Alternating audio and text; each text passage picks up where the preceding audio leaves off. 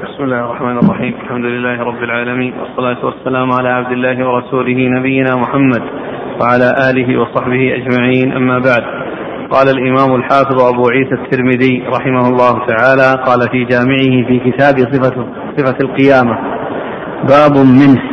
قال حدثنا الحسن بن عرفة قال حدثنا إسماعيل بن عياش عن محمد بن زياد الألهاني قال سمعت أبا أمامة رضي الله عنه يقول سمعت رسول الله صلى الله عليه وعلى آله وسلم يقول وعدني ربي أن يدخل الجنة من أمتي سبعين ألفا لا حساب عليهم ولا عذاب. مع كل ألف سبعون ألفا وثلاث حثيات من حثياته.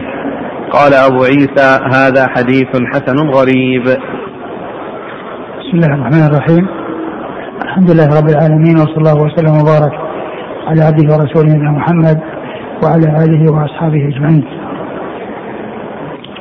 أما بعد فقد مر بعض الأحاديث المتعلقة بالشفاعة شفاعة الرسول صلى الله عليه وسلم وشفاعة غيره وقال وقد أورد أبو عيسى هذا الحديث عن أبي أمامة سدي بن عجلان الباهلي رضي الله عنه أن النبي صلى الله عليه وسلم قال وعدني ربي أن يدخل من أمتي الجنة سبعين ألفا ومع كل سبعين مع كل ألف آه، سبعون ألفا وثلاث حثيات من حثيات ربنا أي أنه يدخل السبعين ومع كل ألف من السبعين سبعين ألف. وكذلك ثلاث حثيات ثلاث حثيات من غير تقدير. يعني عدد كبير بعد هذا العدد من غير تقدير.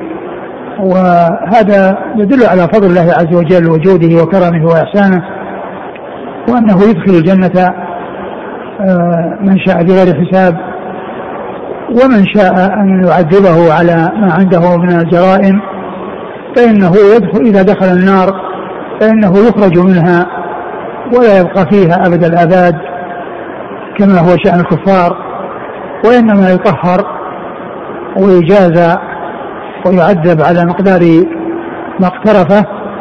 ثم في النهاية يؤول أمره إلى أن يخرج من الجنة من النار ويدخل الجنة ولا يبقى في النار إلا الكفار الذين هم أهلها. وهذا يدلنا على فضل الله عز وجل وكرمه وإحسانه وأنه يدخل من غير حساب يعني أنه لا يناقشون الحساب. كما سبق أن مر أن من نوقش الحساب هلك وأن الذين يتجاوز الله عنهم آه، يطلعهم على ما حصل منهم ويعفو ويتصافح ويصفح ويدخلهم الجنة من غير حساب ولا عذاب. نعم. قال حدثنا الحسن بن عرفة. وهو صدوق. الترمذي. الترمذي والنسائي في عمل يوم الليلة والنسائي. وابن ماجه. وابن ماجه. نعم. عن إسماعيل بن عياش. إسماعيل بن عياش ثقة. صدوق صدوق. في رواية عن أهل بلده. نعم اسماعيل عياش نعم صدوق في رواية عن أهل بلده وفي غيرهم تقليد. وقد أخرج حديثه. البخاري رفع اليدين وأصحاب السنن. نعم. عن محمد بن زياد الألهاني. وهو؟ ثقة أخرج البخاري وأصحاب السنن. نعم. عن أبي أمامة. أمامة صدي بن عجلان الباهلي رضي الله عنه. أخرج حديثه أصحابه في الستة وهذا الإسناد من الرباعيات. عند أبي داود وهي من أعلى الأسانيد. عند عند الترمذي. وهي من أعلى الأسانيد.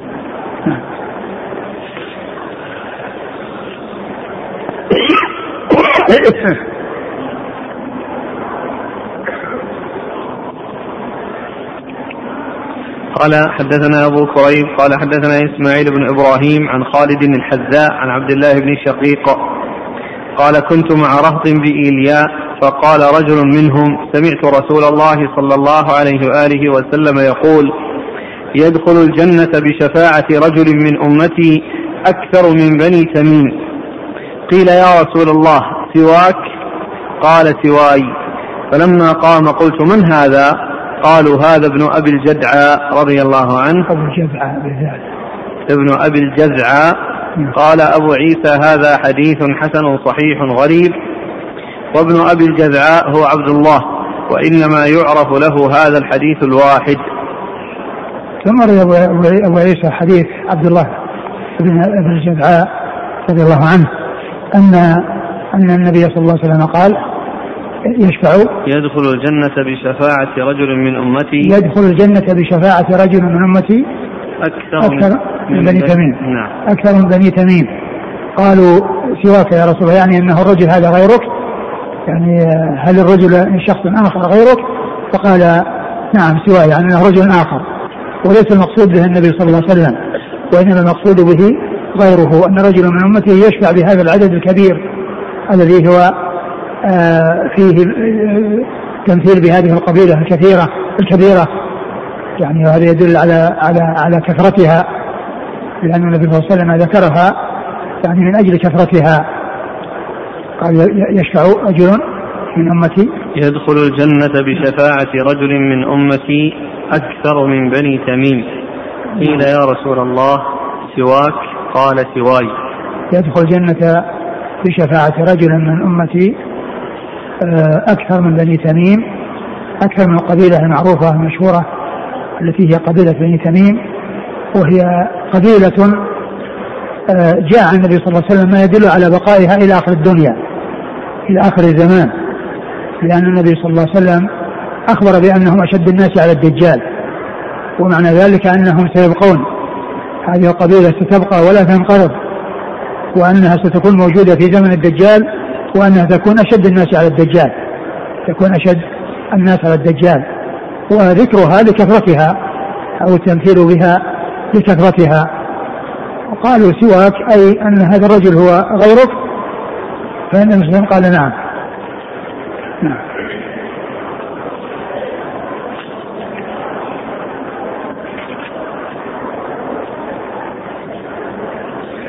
قال حدثنا أبو كريب أبو كريب محمد بن علاء بن كريب ثقة أخرجه أصحاب الكتب الستة.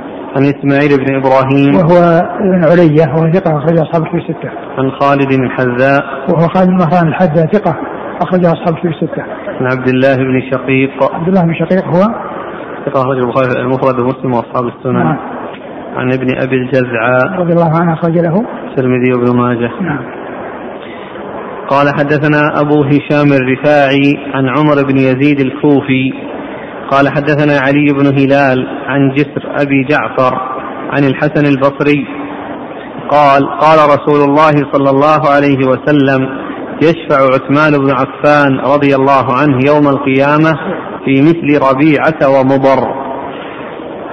ثم أورد أبو عيسى هذا الأثر هذا الحديث المرسل الذي هو من مراسيل الحسن البصري. يقول فيه قال رسول الله صلى الله عليه وسلم يشفع رجل من أمتي بربيعه مضى هذا يشفع عثمان بن عفان. نعم نعم. يشفع عثمان بن عفان رضي الله عنه في يوم القيامة في مثل ربيعة ومضر. يشفع عثمان بن عفان رضي الله عنه في مثل ربيعة ومضر. يعني إنه يشفع في خلق كثير. يعني في مثل قبيلة ربيعة. وقبيلة مضر. وربيعة ومضر آه، في آه، مضر في أعلى أجداد رسول الله صلى الله عليه وسلم لأنه ليس فوقه إلا نزار ومعد لأنه مضر بن نزار بن معد بن عدنان. ومضر أخوه ربيعة يعني ربيعة ومضر أبناء نزار بن معد بن عدنان. يعني فمثل يعني أولاد ونسل يعني هذين الرجلين اللي هم يعني ينتسبون إليهما وهما ربيعة ومضر ينتسبون إلى ربيعة ومضر أنه يشفع فيهم ولكن هذا الحديث مرسل وفيه رجال لم يعني ليس لهم رواية في كتب الستة وهذا الأثر قيل إنه ليس في سنن النسائي سنن الترمذي وإنما هو يعني ليس منه. ولهذا يوجد فيه رجال ليس لهم تراجم في التقريب والتهذيب وتقريب اصوله وهذا يشعر بأنه ليس في الترمذي لأنهم ما ذكروا وكذلك أيضا ما ذكره المزي ولا ذكره غيره يعني في جامع الترمذي وأيضا أن يكون يوجد فيه رجال لا تراجم لهم ما ذكرهم أصحاب الذين ألفوا في الرجال يعني بل فيهم من قيل انه ما في حتى لا في الميزان ولا في اللسان. نعم. قال حدثنا أبو هشام الرفاعي. هو ليس بالقوي أخرج له. مسلم والترمذي وابن ماجه. نعم. ثم بعد ذلك الإسناد يختلف عما في التحفة نعم. تحفة وش فيه عن يحيى بن اليمان. وهنا وش فيه وهنا عن عمر بن يزيد الكوفي. نعم. الفرق بس واحد. ثم الذي بعده. التحفة عن حس عن حسين بن جعفر. نعم وهنا عن علي بن هلال. ثم قال عن جسر أبي جعفر. نعم. علي بن هلال هذا هو الذي ليس له ترجمة. وكذلك الجسر أيضا ليس له ترجمة في الكتب الستة. وعلى ما نذكر هنا عمر بن يزيد الكوفي ليس له ترجمة. وعمر بن يزيد أيضا كذلك هنا ليس له ترجمة. ثم على التحفة يحيى بن اليمان. نعم صدوق يخطئ كثيرا أخرج البخاري المفرد ومسلم وأصحاب السنة. نعم. عن حسين بن جعفر ما وجدت له ترجمة نعم. عن الحسن البصري. هو الحسن بن أبي الحسن ثقة أخرج أصحاب الكتب الستة. قال حدثنا أبو يعني يقوي أنه ليس في الترمذي أنه أنه يعني ليس في تحت الإشراف ولا غيرها من الكتب. وكذلك أيضا هؤلاء الرجال الذين ليس لهم تراجم في الكتب الستة يعني معناها أنها آه، الذين ألفوا في رجال أصحاب الكتب الستة ما ذكروهم. يعني فكان الحديث ليس ليس ليس فيه. نعم. وإنما جاء في بعض النسخ. جاء في نسخة التي معنا وفي نسخة ال- الشارح. وغيرها لا يوجد. نعم. كما أن المزي لم يذكره في المراسيل في تحفة الأشراف. نعم.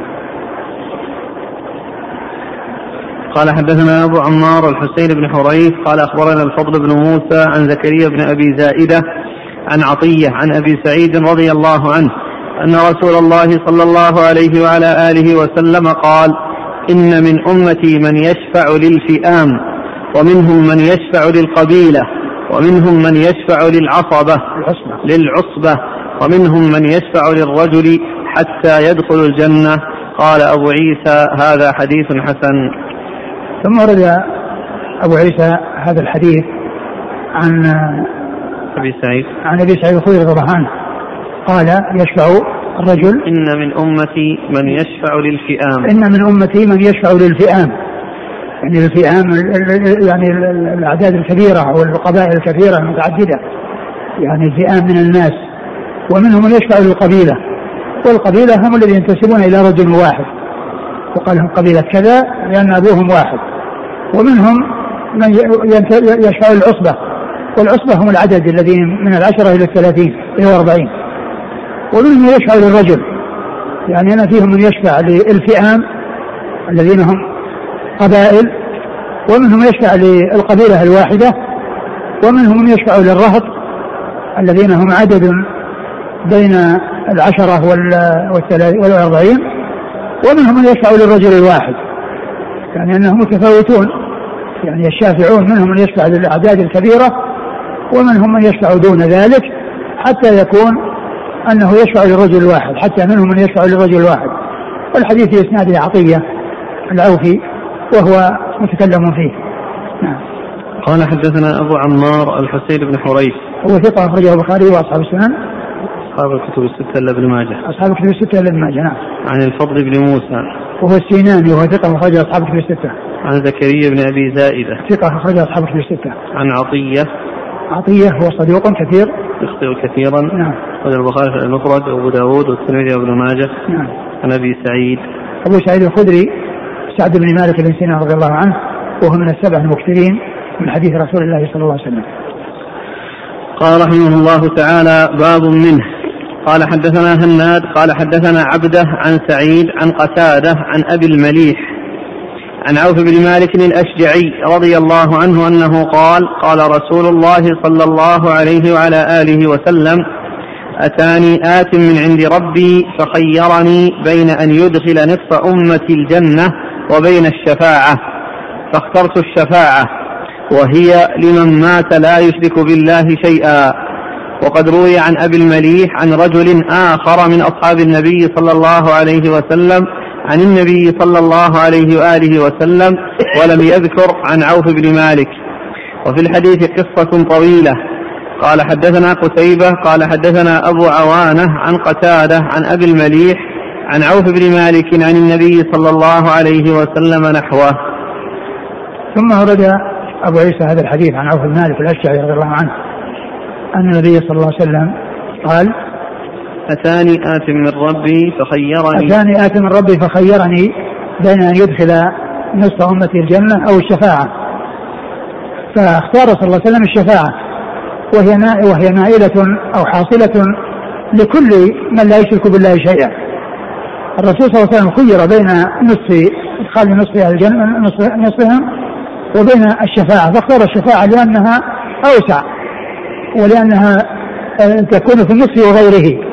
ولهذا قال نائلة كل من لا يشرك بالله شيئا. ومعنى ذلك أن الشفاعة تكون أعم وأكثر يعني فائدة من النص ولهذا اختارها رسول الله صلى الله عليه وسلم. وهذا يدل على على رأفته ورحمته بأمته صلوات الله وسلامه وبركاته عليه وحرصه على سعادتها ونجاتها وأنه يختار ما هو الأكمل وما هو الأفضل وما هو الأصلح لها حيث خير بين إدخال هذا العدد بين الشفاعة واختار الشفاعة التي يحصل بها آه، آه، يحصل بها السلامة وإدخال الجنة والسلامة من النار في من هو أكثر من النصف بل هي لكل من لا يشرك بالله شيئا. أما الذي يشرك بالله فإنه لا سبيل له إلى الخروج من النار وإدخال الجنة لأن الكفار لا تنفعهم شفاعة الشافعين لأن من يشرك بالله عز وجل لا يغفر الله له. إن الله لا يغفر يشرك به ويغفر ما دون ذلك لمن يشاء. قد ما تنفعهم شفاعة الشافعين. فصلى الله فوصل الله خير الشفاعة التي تكون لكل من لا يشرك. التي تكون لمن لا يكون مشركا بالله سبحانه وتعالى. نعم. قال حدثنا هناد هناد بن السري ثقة أخرجه البخاري ثقة قال العباد ومسلم وأصحاب السنة. عن عبده عبده بن سليمان ثقة أخرج أصحاب كتب الستة. عن سعيد سعيد بن بن أبي عروبة وهو ثقة أخرج أصحاب كتب الستة. عن قتادة قتادة بن دعامة السدوسي البصري ثقة أخرج أصحاب كتب الستة. عن أبي المليح أبي المليح بن أسامة وهو ثقة أخرج له أصحاب الكتب. نعم. عن عوف بن مالك الأشجعي. عن عوف بن مالك الأشجعي رضي الله عنه أخرج أصحاب كتب الستة. قال حدثنا قتيبة قتيبة بن سعيد ثقة أخرج أصحاب في الستة. عن أبي عوانة. أبي عوانة الوضاح بن عبد الله اليشكري ثقة أخرج أصحاب في الستة. قال رحمه الله تعالى باب ما جاء في صفة الحوض قال حدثنا محمد بن يحيى قال حدثنا بشر بن شعيب بن أبي حمزة قال حدثني أبي عن الزهري عن أنس بن مالك رضي الله عنه أن رسول الله صلى الله عليه وعلى آله وسلم قال إن في حوضي من الأباريق بعدد نجوم السماء. قال أبو عيسى هذا حديث حسن صحيح غريب من هذا الوجه. ثم أبو عيسى باب في صفة الحوض حوض الرسول صلى الله عليه وسلم الذي آه، ماؤه من الجنة ومن نهر الكوثر الذي في الجنة. وقد جاءت الأحاديث الكثيرة المتواترة في إثبات الحوض وكذلك المشتملة على على سعته وعلى أباريقه وعلى من يشرب منه ومن يذاد عنه فهي كثيرة جدا بلغت حد التواتر جاءت عن عدد كبير من أصحاب الرسول صلى الله عليه وسلم. وقد روي أبو عيسى هذا الحديث أن النبي صلى الله عليه وسلم قال عدد الأباريق أنها أكثر من نجوم السماء. يعني وهذا يدل على كثرتها وأنها لا يحصيها إلا الله سبحانه وتعالى. يعني في الكثرة ف وهي آه، يشرب بها من الحوض من شاء الله عز وجل أن يشرب منه ويذاد عنه من يذاد منه من يذاد عنه كما جاءت في ذلك الأحاديث عن رسول الله صلى الله عليه وسلم. نعم. قال حدثنا محمد بن يحيى. هو الدهلي ثقة أخرجه البخاري وأصحاب السنة. عن بشر بن شعيب بن أبي حمزة. وهو ثقة أخرج له البخاري والترمذي والنسائي. البخاري والترمذي والنسائي, والنسائي. وقد ذكر الحافظ في ترجمته أن ابن حبان أخطأ في النقل عن البخاري لأن البخاري قال تركناه حيا. يعني هذا ليس يعني قدح فهو أخطأ وأتى بكلمة تركناه فقط وما أتى بحيا فصار جرحا. يعني فحصل الخطأ منه في كونه لم يأتي باللفظ كاملا وإنما أتى بلفظ تركناه فصارت يعني جرحا يعني يدل على أنه متروك والبخاري إنما قال تركناه حيا يعني معناه أنه كان آآ آآ لقيه وأنه تركه حيا. نعم. عن ابيه عن أبي شعيب بن أبي حمزة الحمصي ثقة أخرج اصحاب في الستة. عن الزهري؟ الزهري محمد بن مسلم بن عبد الله. بن شهاب ثقه أخرج أصحاب في الستة. عن أنس بن مالك. أنس بن مالك رضي الله عنه خادم النبي صلى الله عليه وسلم وأحد المكثرين من حديثه صلى الله عليه وسلم. قال حدثنا أحمد بن محمد بن علي بن نيزك البغدادي. قال حدثنا محمد بن بكار الدمشقي. قال حدثنا سعيد بن بشير عن قتادة عن الحسن عن سمرة رضي الله عنه أنه قال قال رسول الله صلى الله عليه وعلى آله وسلم ان لكل نبي حوضا وإنهم يتباهون أيهم أكثر واردة وإني أرجو أن أكون أكثرهم واردة. قال أبو عيسى هذا حديث غريب. وقد روى الأشعث بن عبد الملك هذا الحديث عن الحسن عن النبي صلى الله عليه وسلم مرسلا ولم يذكر فيه عن سمرة وهو أصح. ثم ورد أبو عيسى هذا الحديث عن سمرة بن جندب رضي الله تعالى عنه أن النبي صلى الله عليه وسلم قال أن لكل نبي حوضا وأنهم يتباهون أي الرسل أيهم أكثر واردا وإني أرجو أن يكون أن أكون أكثرهم يعني ممن يرد الحوض. وهذا فيه إثبات حوض نبينا صلى الله عليه وسلم وإثبات أحواض لغير النبي صلى الله عليه وسلم. والحديث في إسناده مقال والشيخ الألباني رحمه الله آه، أثبته لوجود شواهد له تدل على ذلك. نعم. قال حدثنا أحمد بن محمد بن علي بن نيزك البغدادي. أحمد بن محمد بن علي بن نيزك البغدادي هو؟ صدوق في حفظه شيء نعم. الترمذي. نعم. الحافظ ضبطه بكسر النون. في نسخة التقريب عاد المرشد يقول أن السمعاني ومختصره ابن الأثير في اللباب ضبطوه بالفتح. هو الحافظ ضبطه في الكسر؟ أي نعم. ضبطه بالكسر واظن الشارح يعني عزى إليه ولا ولا عزى إلى غيره؟ لأن يعني الشارح ذكر الضبط. هذه هل هو آه، منه. الشارح. أخذه منه بكسر النون بعدها تحتية ساكنة. من الحافظ؟ نعم كذا في التقريب. قال بالفتح؟ السمعاني يقول نعم قيده السمعاني في الأنساب آه. وابن الأثير في اللباب فتح النون. يعني ربطوه بالحروف ولا بالشكل؟ هذا نقل يعني بالشكل ما يعني ما يعتبر. وإن كان بالحروف فالحروف معتبرة. إذا كان قال فتح النون وعلى هذا فهؤلاء متقدمون. متقدمون على الحافظ بن حجر. نعم. عن محمد بن بكار الدمشقي. هو؟ صدوق أبو داود والترمذي والنسائي. نعم. عن سعيد بن بشير. وهو ضعيف. صدر أصحاب السنن. نعم. عن قتادة عن الحسن عن سمرة سمرة بن جندب رضي الله عنه أخرج أصحاب الكتب الستة. قال روى الأشعث بن عبد الملك. هو الحمراني وهو؟ ثقة البخاري تعليقا وأصحاب السنن نعم. قال وهو أصح الإرسال. نعم.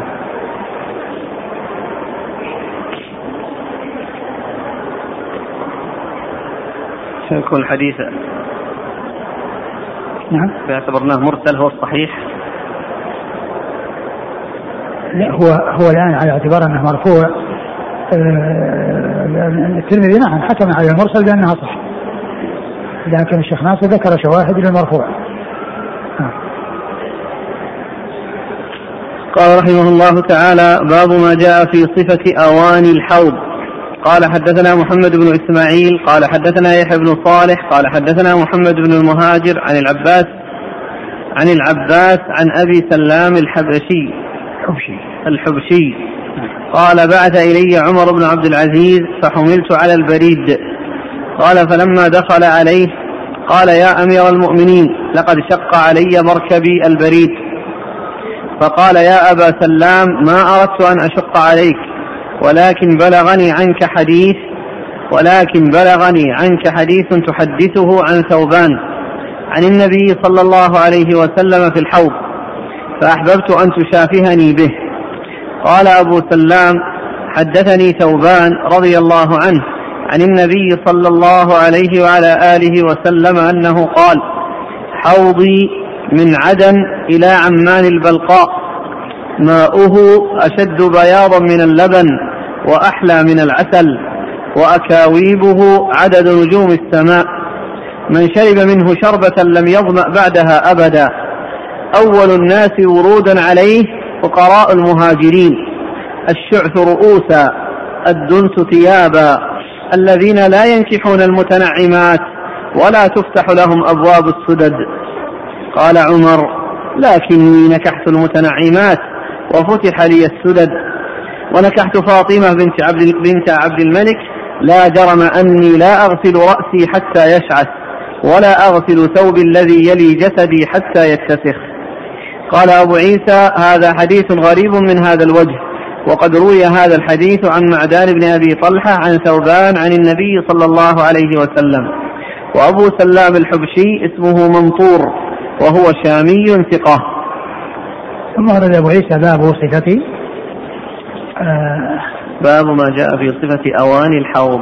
باب ما جاء باب ما جاء في صفة أواني الحوض و الترمذي أورد هذا الحديث الذي هو يدل على صفة يعني على سعته وعلى يعني مائه وأنه بهذا الوصف الذي هو أحلى من العسل وأبيض من أبيض أحلى من العسل و وأشد بياضا من اللبن. وأشد بياضا من اللبن.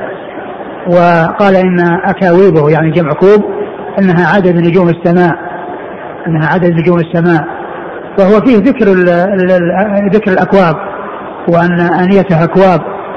وليس فيه ذكر ذكر صفات صفاتها إلا من ناحية أنها آه، يعني موصوفة بأنها أكواب وإلا صفة هذه الأكواب وبيان ساعتها ولونها وما إلى ذلك ما تعرض له الحديث ولكنه تعرض لأن آنيتها أكواب.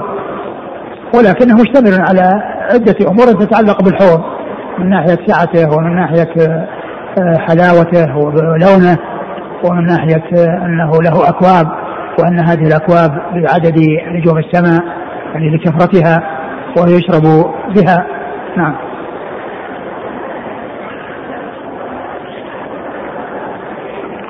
والحديث فيه قصة. وهذه القصة يعني آه، في في فيها فيها الانقطاع يعني بين العباس بن سالم والذي فوقه من هو؟ أبو سلام المم... أبو سلام وبين أبي سلام والحديث صحيح لأنه يعني المرفوع منه إلى رسول الله صحيح لأن له شواهد نعم. قال حدثنا محمد بن إسماعيل هو البخاري أخرج له الترمذي والنسائي.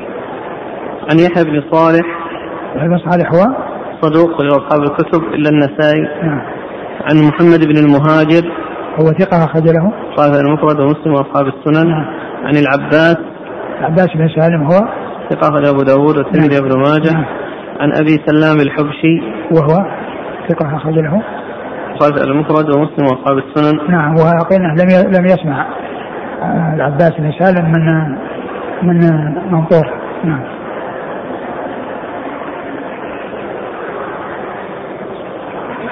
عن ثوبان. ثوبان أخرجه البخاري في المفرد. المفرد ومسلم وأصحاب السنة.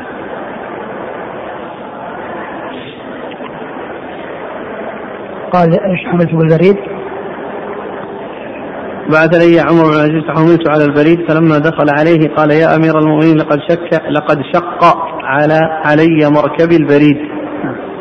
فقال عمر بن عبد العزيز رحمة الله عليه أرسل إلى آه إلى إلى أبي سلام. نعم.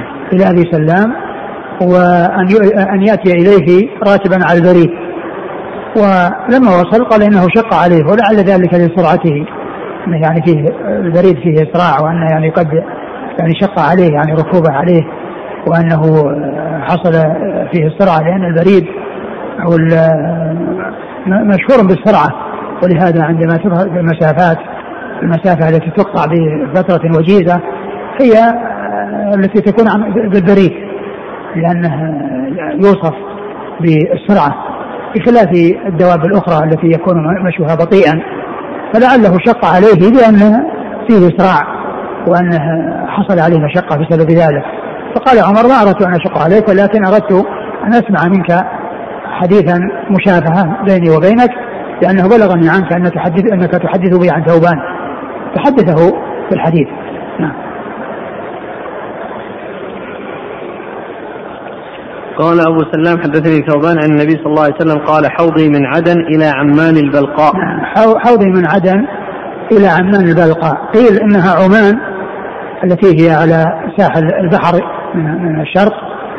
وقيل إنها عمان التي هي في الشام. ويؤيد يعني كونها ذكر البلقاء معها لأن البلقاء هي من بلاد الشام. نعم. و ماؤه أشد بياضا من اللبن وأحلى من العسل وأكاويبه عدد نجوم السماء. من شرب منه شربة لم يظمأ بعدها أبدا. أول الناس ورودا عليه فقراء المهاجرين. الشعث رؤوسا الدنس ثيابا. الذين لا ينكحون المتنعمات ولا تفتح لهم أبواب السدد. آه الشعث رؤوسا يعني أنهم ليسوا متنعمين وإنما عليهم الغبرة وعليهم الشعث. وكونهم أيضا ثيابهم دنس يعني ما ليس عندهم تنعم لأنه فقراء وكذلك أيضا لا يتزوجون المتنعمات لانهم لأنهن لا يرغبن يعني بمن يكون فقيرا ليس عنده مال.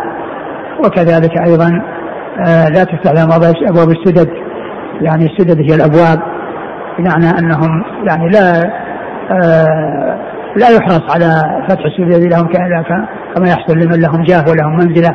ولأهل, ولأهل الثراء والمال وإنما شأنهم لأنهم فقراء لا يعاملون هذه المعاملة التي يعامل بها المتنعمون وهم الذين يسبقون وأول من يشرب من حوض رسول الله صلى الله عليه وسلم. نعم. قال عمر لكني نكحت المتنعمات وفتح لي السدد نكحت فاطمة بنت عبد الملك. لا جرم أني لا أغسل رأسي حتى يشعث ولا أغسل ثوبي الذي يلي جسدي حتى يتسخ. يعني حتى تكون به هذه الصفة التي هي. وأما المتنعمات فإنه قد حصل له ذلك. وأما الشيء الذي يمكنه أن يتصف به فهو آه، يعني آه، آه، الشعث وكذلك جنس الثياب. هذا هو الذي يمكنه أن يحصل له. وأما التنعم فإنه قد يجد أنه تزوج فاطمة بنت عبد الملك وهي بنت خليفة وجدها خليفة وإخوانها الأربعة خلفاء وزوجها خليفة.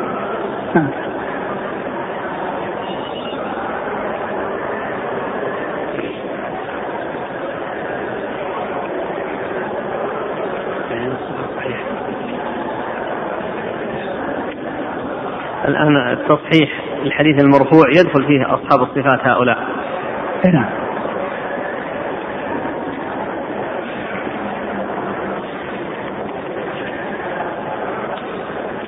قال وقد روي هذا الحديث عن معدان بن أبي طلحة.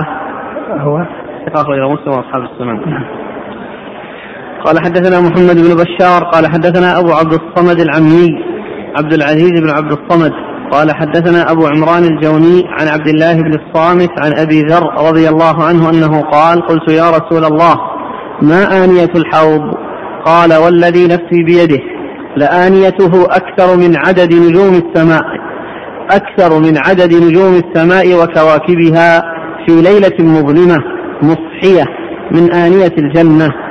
من شرب منها شربة لم يظمأ آخر ما عليه عرضه مثل طوله. ما بين عمان إلى أيلة ماؤه أشد بياضا من اللبن وأحلى من العسل. قال أبو عيسى هذا حديث حسن صحيح غريب. وفي الباب عن حذيفة بن اليمان وعبد الله بن عمرو وأبي برزة الأسلمي وابن عمر وحارثة بن وهب. والمستورد بن شداد رضي الله عنهم أجمعين. وروي عن ابن عمر عن النبي صلى الله عليه وسلم أنه قال حوضي كما بين الكوفة إلى الحجر الأسود. ثم ورد أبو عيسى حديث أبي ذر رضي الله عنه أنه سأل النبي صلى الله عليه وسلم آنية الحوض فأخبر صلى الله عليه وسلم بأنها أكثر. أكثر من عدد نجوم السماء وكواكبها في ليلة مظلمة مصحية. أكثر من عدد نجوم السماء وكواكبها في ليلة مظلمة مصحية يعني ليس فيها غيم وفيها ظلام بحيث تبرز النجوم يعني قويها ويعني وما دون ذلك. فإنها تكون بارزة وظاهرة للمشاهدة والمعاينة. و الآنية أكثر من هذه النجوم التي يراها الناس. في الليلة المظلمة المصحية التي ليس فيها غيم فتبرز للناس فهذا يدل على كثرتها. إيش بعده؟ من آنية الجنة. وهي أيضا من آنية الجنة يعني هذه الأكواب هذه الآنية أتي بها من الجنة من الآنية التي في الجنة. نعم. من شرب منها شربة لم يظمأ آخر ما عليه. يعني لم من شرب منه شربة لم يظمأ آخر ما عليه يعني لم يشرب بعدها أبدا كما جاء مبين في الروايات الأخرى. نعم. عرضه مثل طوله. عرضه مثل طوله يعني طوله وعرضه سواء. يعني أن زواياه أو أضلاعه الأربعة كلها متساوية. نعم. ما بين عمان إلى أيلة؟ ما بين عمان إلى أيلة. وأيلة هي يعني آه، آه، بلدة على على ساحل البحر. يعني آه، من جهة الشام. نعم. البحر اللي هو البحر القريب هذا الذي ليس البحر الأبيض الذي هو يعني بعيد وإنما هو القريب نعم. أشد ماؤه أشد بياضا من اللبن وأحلى من العسل. نعم هذا مثل ما تقدم. قال حدثنا محمد بن بشار. والأحاديث في الحوض وردت في في سعته وأضلاعه على آه، ألفاظ متعددة. وقد جمع بينها العلماء بوجوه من الجامع منها أن المقصود أن أن أن ما ذكر أو جاء عن النبي صلى الله عليه وسلم من ذكر آه، مسافة أقل أنه كان أعلن أولا بما هو أقل ثم أخبر بما هو أكثر وبما هو أطول. وقيل إن الفرق بين هذه المسافات مع تفاوتها إنما هو بتقدير المسافة بتقدير السير. فالسير الذي يكون مسرعا وفيه إسراع مثل البريد وما يقطعه البريد يعني يكون فيما ذكر الأقل والعدد الأكبر أو المسافة الكبيرة تكون في المشي البطيء. فيكون التفاوت بين هذه المسافات إما بالنظر إلى أن الرسول صلى الله عليه وسلم أخبر أولا بالأقل ثم أخبر بما هو أوسع ثم أو أنه آه، ذلك يرجع إلى التقدير بالسير بالنسبة للدواب التي تسير فسير البريد آه، يقطع المسافة الطويلة في وقت قصير والطويل والمسافة الطويلة تقطع تقطع بالمشي البطيء والسير البطيء. نعم. قال حدثنا محمد بن بشار. هو ملقب بن دار ثقة أخرج أصحابه في الستة وهو شيخ الأصحاب في الستة. عن أبي عبد الصمد العمي عبد العزيز بن عبد الصمد وهو ثقة أخرج أصحابه في الستة. عن أبي عمران الجوني وهو ثقة أخرج أصحابه في الستة. عن عبد الله بن الصامت وهو أخرج البخاري تعليقا ومسلم وأصحاب السنن. نعم. عن أبي ذر. أبي ذر جندب بن جنادة رضي الله عنه أخرجه أصحابه في الستة. وفي الباب عن حذيفة بن اليمان. حذيفة بن اليمان رضي الله عنه أخرجه أصحابه في الستة. وعبد الله بن عمرو. أخرج أصحابه في الستة. وأبي برزة الأسلمي. وأخرج أصحابه في الستة. وابن عمر. آه هو من المكثرين من حديث رسول الله صلى الله عليه وسلم. وحارث بن وهب. أخرج له. أصحاب الكتب. نعم. والمستورد بن شداد. أخرج له. البخاري تعليقا ومسلم وأصحاب السنة. نعم. وروي عن ابن عمر عن النبي صلى الله عليه وسلم أنه قال حوضي ما كما بين الكوفة إلى الحجر الأسود. نعم.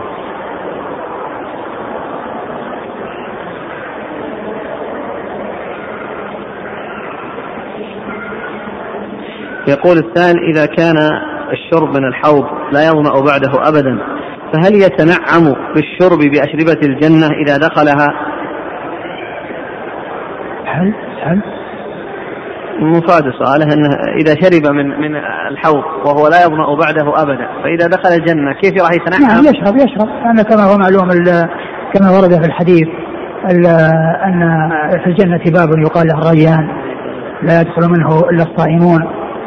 لأنهم عطشوا أنفسهم لله وأدخلوا من باب يشعر بالريج الذي هو الشرب وأنهم يشربون والكوثر يعني كما هو معلوم في الجنة وهو هو الذي يغذي آه، الحوض ويصب في الحوض فهو من الجنة وآنيته من الجنة. فمن المعلوم أنهم لا يصيبهم ظما ولكنهم لا شك أنهم يتنعمون. هل ثبت أن النبي صلى الله عليه وسلم يسقي الناس بيده؟ ولكن نسمع في الدعاء اللهم اسقنا شربة بيد نبيك. والله ما أعلم ما أعلم. لا أدري لا أعلم شيء يدل على هذا. قال رحمه الله تعالى باب. قال حدثنا أبو حصين عبد الله بن أحمد بن يونس الكوفي. الله تعالى أعلم وصلى الله وسلم وبارك على نبينا رسوله نبينا محمد وعلى آله واصحابه أجمعين. جزاكم الله خيرا وبارك الله فيكم ألهمكم الله الصواب ووفقكم الحق ونفعنا الله بما سمعنا وغفر الله لنا ولكم وللمسلمين أجمعين. يفيد الاخ بأن الشيخ الألباني رحمه الله تعالى صحح في السلسلة الصحيحة 1484 أن مع السبعين ألف مع كل واحد سبعين ألف. قال أعطيت سبعين ألفا يدخلون الجنة بغير حساب وجوههم كالقمر ليلة البدر. وقلوبهم على قلب رجل واحد.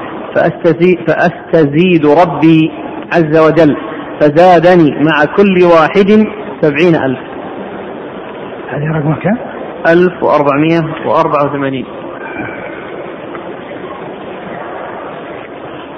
يقول هل السبعون ألف المذكورون في هذا الحديث هم الذين جاء وصفهم في حديث آخر؟ لا يسترقون ولا يكتوون ولا يتطيرون على ربهم يتوكلون. الله أعلم لكن الحديث جاء عن ابن عباس في قصة السبعين ألف يدخل في غير حساب ولا عذاب.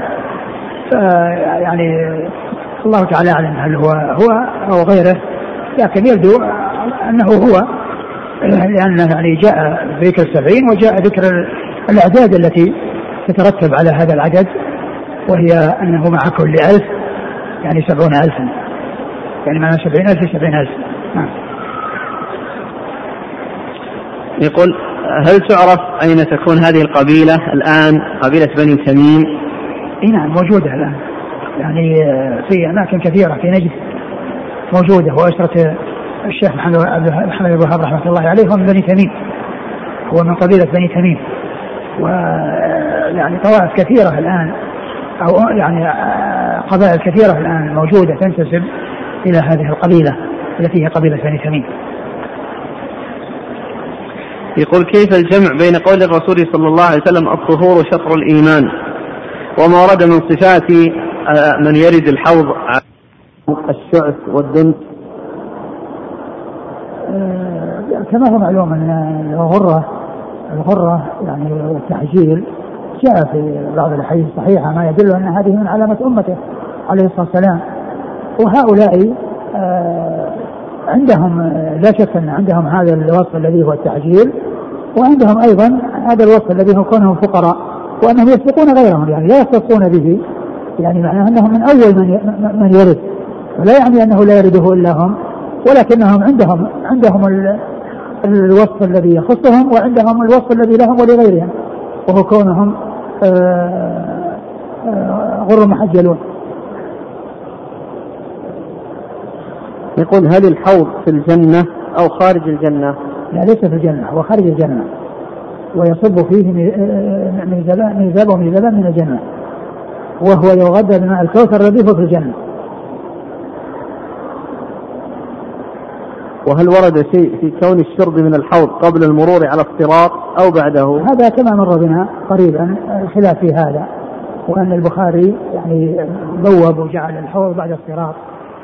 ويعني معروف أنه قبل الصراط لأن الناس يخرجون عطاشا فيعني يشربون. ومعلوم أنه من من يتجاوز النار فإنه آه، آه، فإنه لا سبيل له إلى الرجوع إلى النار من يتجاوزها. وقيل يعني في في في, في توجيهه على اعتبار أنهم على الحوض أنهم يرونه من بعد يعني اللي هو الحوض لكن كونه يعني قبل الصراط هو الأقرب. ومن العلماء من قال في حوض حوض قبل الصراط وحوض بعد الصراط. لكن كونه قبل الصراط هو هو الأظهر. يعني في عرصات القيامة. نعم. يقول ما معنى البريد؟ البريد هو الدابة التي يركب عليها وتنقل البريد من بلد إلى بلد ومن مكان إلى مكان والأصل أنها دابة يعني تخصص ويكون معها يعني ساعي البريد الذي يركب عليها وهي يعني معروفة بالإسراع لأنها يعني تقطع المسافات بسرعة ولهذا تقدر المسافات السريعة بالبريد يعني بالدابة التي تتخذ للبريد ما حكم مراسيل الحسن البصري؟ المراسيل كلها ليست بحجة لا الحسن ولا غيره. إلا إذا يعني جاء شيء يقويها. ولكن مراسيل الحسن هي يعني من يعني من من ليست آه، كمراسيل غيره في القوة. ولكن آه، كل المراسيل فيها انقطاع. لأن يعني المرسل فيه انقطاع. يعني المرسل هو أن يقول التابعي قال رسول الله صلى الله عليه وسلم كذا. وهو معدود في أنواع الضعيف. وسبب التضعيف أن ذلك المحذوف الذي لم يذكره المرسل وهو التابعي يحتمل أن يكون صحابيا وأن يكون تابعيا. والإشكال ليس بكونه صحابي لأنه لو كان المتروك صحابي أو المحذوف صحابي ما في إشكال الصحابة كلهم عدول ولكن احتمال يكون تابعيا والتابعي يحتمل يكون ثقة وأن يكون ضعيفا من أجل ذلك اعتبر أو اعتبرت المراسيل من قبيل الضعيف لحصول الانقطاع واحتمال أن يكون المحذوف الذي لم يذكر أنه تابعي وأن التابعي يحتمل أن يكون ثقة وأن يكون ضعيفا والرد من أجل احتمال أن يكون ضعيفا. نعم. يقول ما معنى قول قول الشارح أن الحوض على حقيقته المتبادر منه على ما في المعتمد في المعتقد؟ يعني إنه ليس تأويل أو مجاز وأنه حوض حقيقي. نعم. يقول فضيلة الشيخ ما معنى الحثيات؟ الحثيات آه، مقدار يكون في يد الله عز وجل بدون عدد وبدون تقدير لأن الذي مضى قبله كله بتقدير وهذا بدون تقدير يقول فضيلة الشيخ نرجو أن توضحوا لنا من هم الذين يذادون ويحرمون من الشرب من الحوض لكي لا نكون منهم آه الإنسان إذا أراد أن يكون من أهل الحوض ومن أهل الجنة ومن ومن من يسلم من النار فعليه أن يستقيم على طاعة الله عز وجل وطاعة رسوله صلى الله عليه وسلم. يمتثل الأوامر وينتهي عن النواهي ويصدق الأخبار وتكون عبادته طبقا لشريعة رسول الله صلى الله عليه وسلم ليست مبنية على بدع ومحدثات. فالذي يستقيم على أمر الله عز وجل يمتثل الأوامر وينتهي عن النواهي ويصدق الأخبار وتكون عبادته مبنية على السنن وليس على البدع هذا هو الذي يحصل السعادة في الدنيا والآخرة. فيرد الحوض ويدخل الجنة ويسلم من النار. فالمسلم عليه أن يكون حريصا على الاستقامة على أمر الله وعلى الاستقامة على الصراط المستقيم. كما قال الله عز وجل وأن هذا صراط مستقيم فاتبعوه ولا تتبعوا السبل. فتفرق بكم عن سبيله.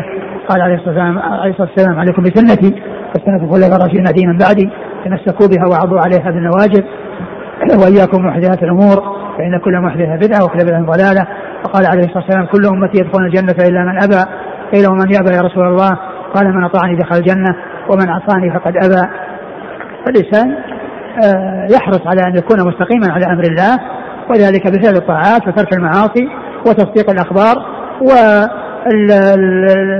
وكون العبادة التي يتعبد الله عز وجل بها مبنية على السنن وليست مبنية على البدع. هل ثبت أن الشهيد يشفع لأربعين من أهله؟ ما أذكر لا أدري.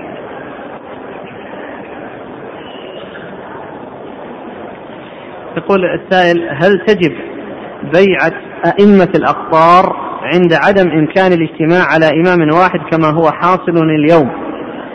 وما رأيكم في قول من يقول لا تجب بيعتهم؟ معلوم أن الوالي إذا تولى يعني آه، سواء يعني تسلط أو لم يكن متسلطا فإن الإنسان عليه السمع والطاعة في المعروف لأنه ولا يلزم أن يذهب إليه ويقول أبايعك فإن هذا ليس بالمطلوب ولكنه يسمع ويطيع فيما هو طاعة الله عز وجل. وأما كونه يعني يذهب إليه ويقول له فليس كل يذهب وليس هناك يعني حاجة إلى أنه يذهب كل واحد بل الإمام الحق الذي يتولى يبايع بيعة حقه وعلى طريقة صحيحة ما يلزم الناس كلهم أن يأتوا إليه ويصافحوه ويبايعونه بل إذا بايع على العقد الباقون تبعا يكونون تبعا لهم. ولكن سواء كان الإنسان في ولاية حقه أو ولاية فيها سوء وفيها انحراف وفيها عدم استقامة عليه أن يسمع ويطيع فيما هو معروف ولا يسمع ويطيع فيما هو منكر. لا بالنسبة لمن ولا لمن ولايته حقه ولا بالنسبة لمن ولايته آه، غير صحيحة وإنما هو متسلط و يعني يحكم بغير كتاب الله عز وجل يسمع ويطيع في المعروف و ولا يكلفه يكلفه الله شيئا أكثر من ذلك. نعم. يقول ما معنى المعية في قوله صلى الله عليه وسلم مع كل ألف سبعون ألف؟ يعني معناه أن أن أن هذا العدد آه، كل ألف يكون معه آه، ألف آه، أو الحديث الآخر هذا الذي ذكر أن الشخص صححه أنه مع كل فرد ألف. يعني معناه أن الأعداد التي تدخل الجنة في غير حساب أنهم بهذه الكثرة وبهذه بهذا المقدار.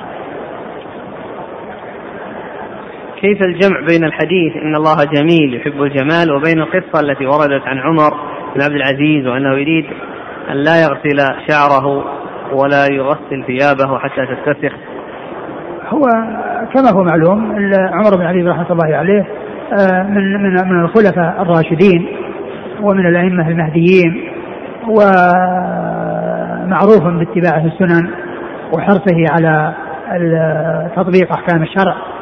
فهو لما سمع هذه القصة وأن هؤلاء الذين موصوفون بهذا الوصف آه، حب أن يكون من جملتهم فأراد أنه يحصل منه هذا الشيء لكن لا يعني ذلك آه، يترك الجمال وأن يكون آه، على هيئة دائما يكون كذلك ولكنه ما يكون دائما على هيئة كاملة أو هيئة حسنة بل يحب أن يكون في بعض أحيانه على هذه الهيئة التي وصف فيها هؤلاء الذين هم من أول من يشرب من الحوض رجاء أن يكون آه، آه، مثلهم أو أنه يحصل له ما يحصل له. هل صحيح أن عمر بن العزيز خامس الخلفاء الراشدين؟ لا ما صحيح. بل هو من الخلفاء الراشدين. ولكنه ليس الخامس بمعنى أنه لم يسبقه خليفة الراشد فإن معاوية بن أبي سفيان رضي الله عنه أفضل منه وخير منه وهو خليفة الراشد رضي الله تعالى عنه وأرضاه. هل يجوز إطلاق لفظ الولي على الرجل الصالح العالم الرباني في حياته وكذلك بعد موته؟ نعم. آه، أولياء الله الله بين. الذين آمنوا وكانوا يتقون. فمن كان مؤمنا تقيا فهو من أولياء الله. ولكن لا لا يفتن الشخص بأن يوصف بأوصاف تفتنه. وكذلك أيضا هو يحرص على مثل ذلك. فإن هذا يعود عليه بالمضرة. ولكن إذا كان آه، آه، لأن من من من, من الناس من يكون بهذا الوصف ولكنه يتواضع ولا يحصل منه آه، الاغترار مثل ما جاء عن أويس القرني رحمه الله الذي أخبر عن الرسول صلى الله عليه وسلم. ومع ذلك لما لما وصل إليه عمر ولقيه عمر ما أراد أن يبرز نفسه وأن يظهر نفسه وأن آه، آه، يفخر بهذا الشيء الذي حصل وإنما أراد أن يكون مغمورا وأن لا يعرف. مثل ما وصف الله عز وجل أولياءه. قال والذين يؤتون ما آتوا وقلوبهم وجلة أنهم إلى ربهم راجعون. فهو مع ما جاء فيه من الفضل ومع كون عمر رضي الله عنه طلب منه أن يستغفر له كان مما قال له أنتم أصحاب الرسول صلى الله عليه وسلم الذين يطلب منكم الاستغفار. فأولياء الله هذا شأنهم ولهذا يقول ابن القيم رحمه الله في جلع الأفهام عندما ذكر آه، آه، ترجمة مختصرة عن عائشة رضي الله عنها وأرضاها لأنه لما جاء عند ذكر الآن اللهم صل على محمد وعلى آل محمد ذكر زوجات الرسول صلى الله عليه وسلم وأتى لكل واحدة منها بترجمة مختصرة.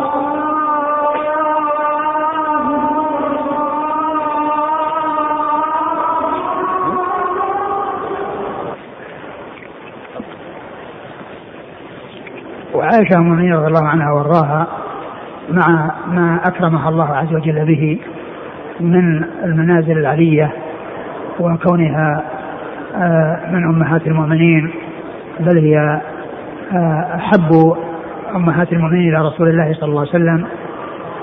وكذلك أيضا كونها من أوعية السنة ونقلت الكثير من حديث رسول الله صلى الله عليه وسلم وهي ذات الفضائل الكثيرة والخصال الحميدة رضي الله عنها وأرضاها. مع ذلك تقول عن نفسها لما نزلت أو لما لما نزلت الآيات التي في براءتها من الإفك قالت ولشأني في نفسي أهون من أن ينزل الله في آيات تتلى. وكنت أتمنى أن النبي صلى الله عليه وسلم يرى في منامه رؤيا يبرئني الله بها. وما كانت آه، تتوقع أنها يحصل لها قرآن يتلى. وهذا من تواضعها رضي الله عنها. ولا شأني في نفسي أهون أنا أستحق من أجل في القرآن؟ هكذا شأن أولياء الله عز وجل. يعني مع علو درجاتهم ومنازلهم يتواضعون. أما الولايات المزيفة التي تحصل لكثير من الصوفية فإن هذا الذي آه، آه، الولاية فكر على أناس معينين وهؤلاء يغلى فيهم وهم أيضا آه، يرضون بهذا الغلو ويقصدون ويريدون هذا هذا الإغراء وهذا المدح وهذا الثناء وهذا التعظيم. هذا خلاف ما عليه أولياء الله حقا الذين هم أصحاب رسول الله صلى الله عليه وسلم ومن سار على نهجهم. كعائشه رضي الله عنها من الصحابه يعني مثال من أمثلة تواضع الصحابة. ويس القرني الذي قال عن النبي صلى الله عليه وسلم إنه خير التابعين. هذا الذي حصل منه مثال من تواضعه. فأولياء الله هم الذين آمنوا وكانوا يتقون وكانوا يتواضعون. والذي ينبغي أنه لا يقابل الإنسان بأن يقال أنت ولي من أولياء الله. ولأن ذلك قد يحصل له فيه الضرر ويحصل الغرور. وكذلك آه، آه، أما إذا ذكر وأثني عليه يعني في غير حضوره وقيل أحسبه كذا والله حسيبه ولا نزكي على الله أحدا لا بأس بذلك. يقول الأخ كيف يكون معاوية رضي الله عنه خليفة راشد وقد حول الخلافة إلى ملك عضود؟ هو خليفة. والرسول صلى الله عليه وسلم قال إنه لا إنها إنها لا يزال أمر الناس باقيا ما وليهم 12 خليفة. ومنهم معاوية رضي الله عنه. ومنهم معاوية رضي الله عنه. ولا شك أن معاوية من الخلفاء الراشدين ومن صحابة رسول الله صلى الله عليه وسلم والصحابة هم أفضل من التابعين. فمعاويه أفضل من عمر بن عبد العزيز ومن غير عمر بن عبد العزيز من لم يكن صحابيا. وكونه يعني آه، صار ملكا نعم هو خير ملوك المسلمين. هو أول ملوك المسلمين وهو خير ملوك المسلمين. وأيضا يقال له خليفة. ويقال للملك خليفة والرسول صلى الله عليه وسلم قال ثم تكون ملكا؟ وقد قال لا يزال أمر الناس ماضيا ما وليهم 12 خليفة كلهم من قريش.